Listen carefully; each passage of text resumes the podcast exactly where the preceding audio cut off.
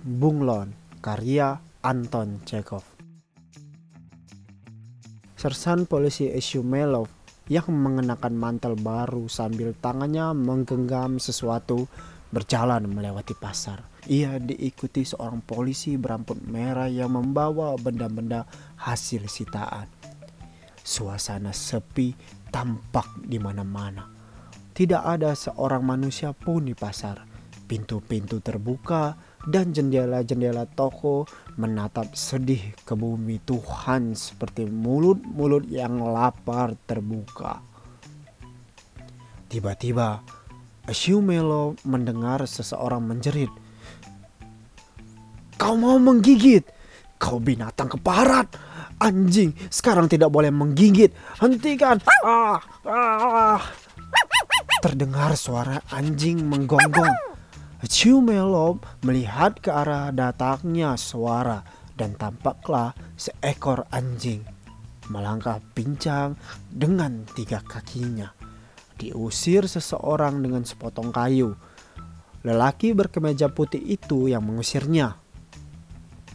Lelaki itu mendekati anjing. Tiba-tiba ia menjatuhkan diri ke tanah lalu menangkap kaki belakang anjing. Anjing itu terdengar menggonggong lagi, lalu melolong kesakitan. Wajah-wajah mengantuk bermunculan dekat jendela-jendela toko. Sebuah kerumunan manusia dengan cepat terbentuk, seolah-olah mereka bermunculan keluar dari dalam tanah. Apa menurut Tuan itu bisa menjadi biang keributan? Tanya polisi. Shumelo melangkah mendekati kerumunan itu. Dekat pagar halaman ia melihat orang yang berkemeja putih sedang mengangkat tangan kanannya dan memperlihatkan jarinya yang berdarah pada kerumunan orang-orang. Dengan wajah yang setengah mabuk tersilat seolah-olah ia mengatakan, "Awas, aku akan membalas karena ini keparat kau." Ciumelo mengenal lelaki yang bernama Kriukin itu seorang pandai emas.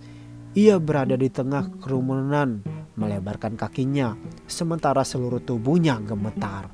Duduk merencanakan hukuman untuk anjing itu. Seekor anjing putih dengan bintik-bintik kuning di punggungnya. Mata anjing yang berair merupakan ungkapan dari ketakutannya. Ada apa ini? Tanya Ecumelo menerobos kerumunan. Mengapa kau di sini? Ada apa dengan jarimu? Siapa yang menjerit? Saya sedang berjalan di sini tuan, tidak menemukan siapa pun, kata Kriukin. Ketika melihat-lihat kayu untuk Dimitri Dimitrievich, tiba-tiba anjing keparat ini menggigit jariku. Kau mengenal aku, aku adalah seorang pekerja. Aku mempunyai pekerjaan yang sangat khusus untuk dikerjakan dan seseorang akan mengupahku. Sementara aku jadi tidak bisa menggunakan jari ini mungkin seminggu lamanya. Di sini tidak ada hukum tuan.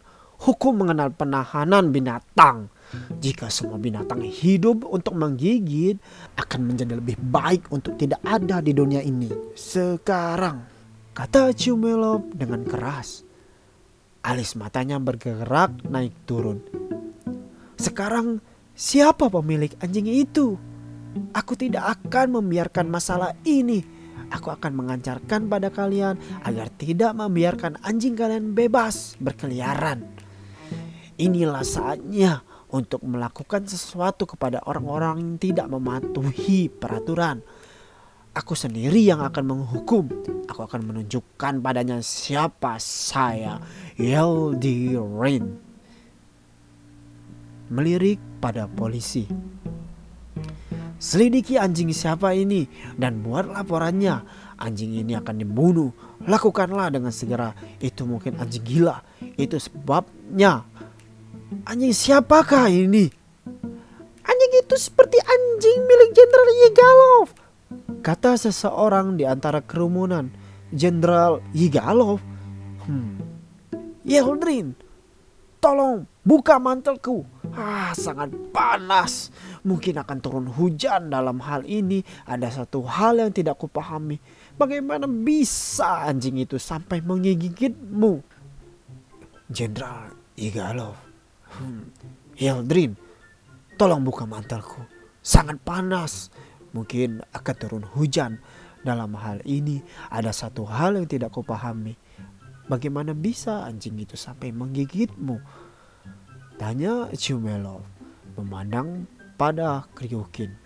Anjing itu tidak datang untuk menggigit jarimu. Anjing itu sungguh anjing kecil, sedangkan kau lelaki bertubuh begitu besar. Barangkali kau merobek jarimu dengan paku setelah timbul ide padamu. Dan kau sedang mencoba untuk mendapat banyak uang. Aku tahu kau siapa.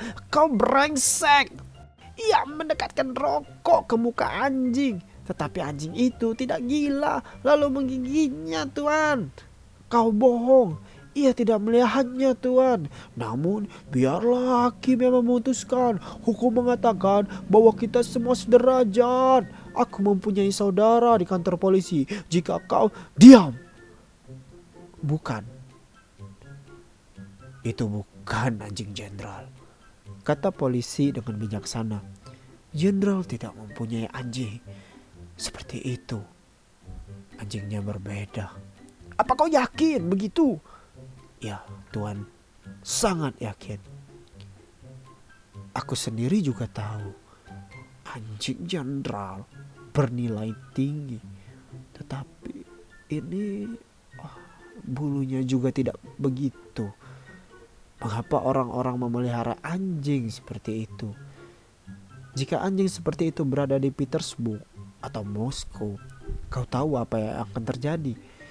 anjing-anjing akan tidak berhenti untuk mencari keadilan, tetapi hanya dan itu benar. Kriukin, kau kesakitan dan aku akan tidak membiarkan masalah ini. Aku harus memberi pelajaran pada anjing semacam itu. Tetapi bagaimana juga barangkali itu anjing jenderal. Polisi berpikir keras. Suatu hari Aku melihat anjing seperti itu di halaman rumah jenderal. Memang itu anjing jenderal, kata sebuah suara di antara kerumunan. Hildefrin, bantu aku mengenakan mantel. Udara terasa dingin. Bawalah anjing itu kepada jenderal dan selidiki di sana. Katakan bahwa aku yang menemukan dan menyuruh membawanya dan katakan padanya agar tidak membiarkan anjing berkeliaran ke jalan. Boleh jadi itu seekor anjing mahal dan jika setiap lelaki menyakiti hidung anjing itu dengan rokok, anjing itu akan segera menjadi cacat. Anjing itu binatang yang lembut dan kau lelaki bodoh. Hah, perlihatkan tanganmu. Tidak perlu ia menunjukkan bahwa jari tangannya sial. Itu kesalahannya sendiri. Di sana ada koki jenderal. Biar kita bertanya. Hai, perokor, datanglah ke sini sebentar. Lihat, apakah itu anjing milikmu? Anjing itu, kamu tidak pernah mempunyai anjing seperti itu dalam hidup kami. Ia tidak pantas dimintai pertanyaan semacam itu. Kata Cumelo, itu anjing liar. Di sini tidak ada yang berkata selain itu. Kalau aku katakan itu anjing liar, itu adalah anjing liar.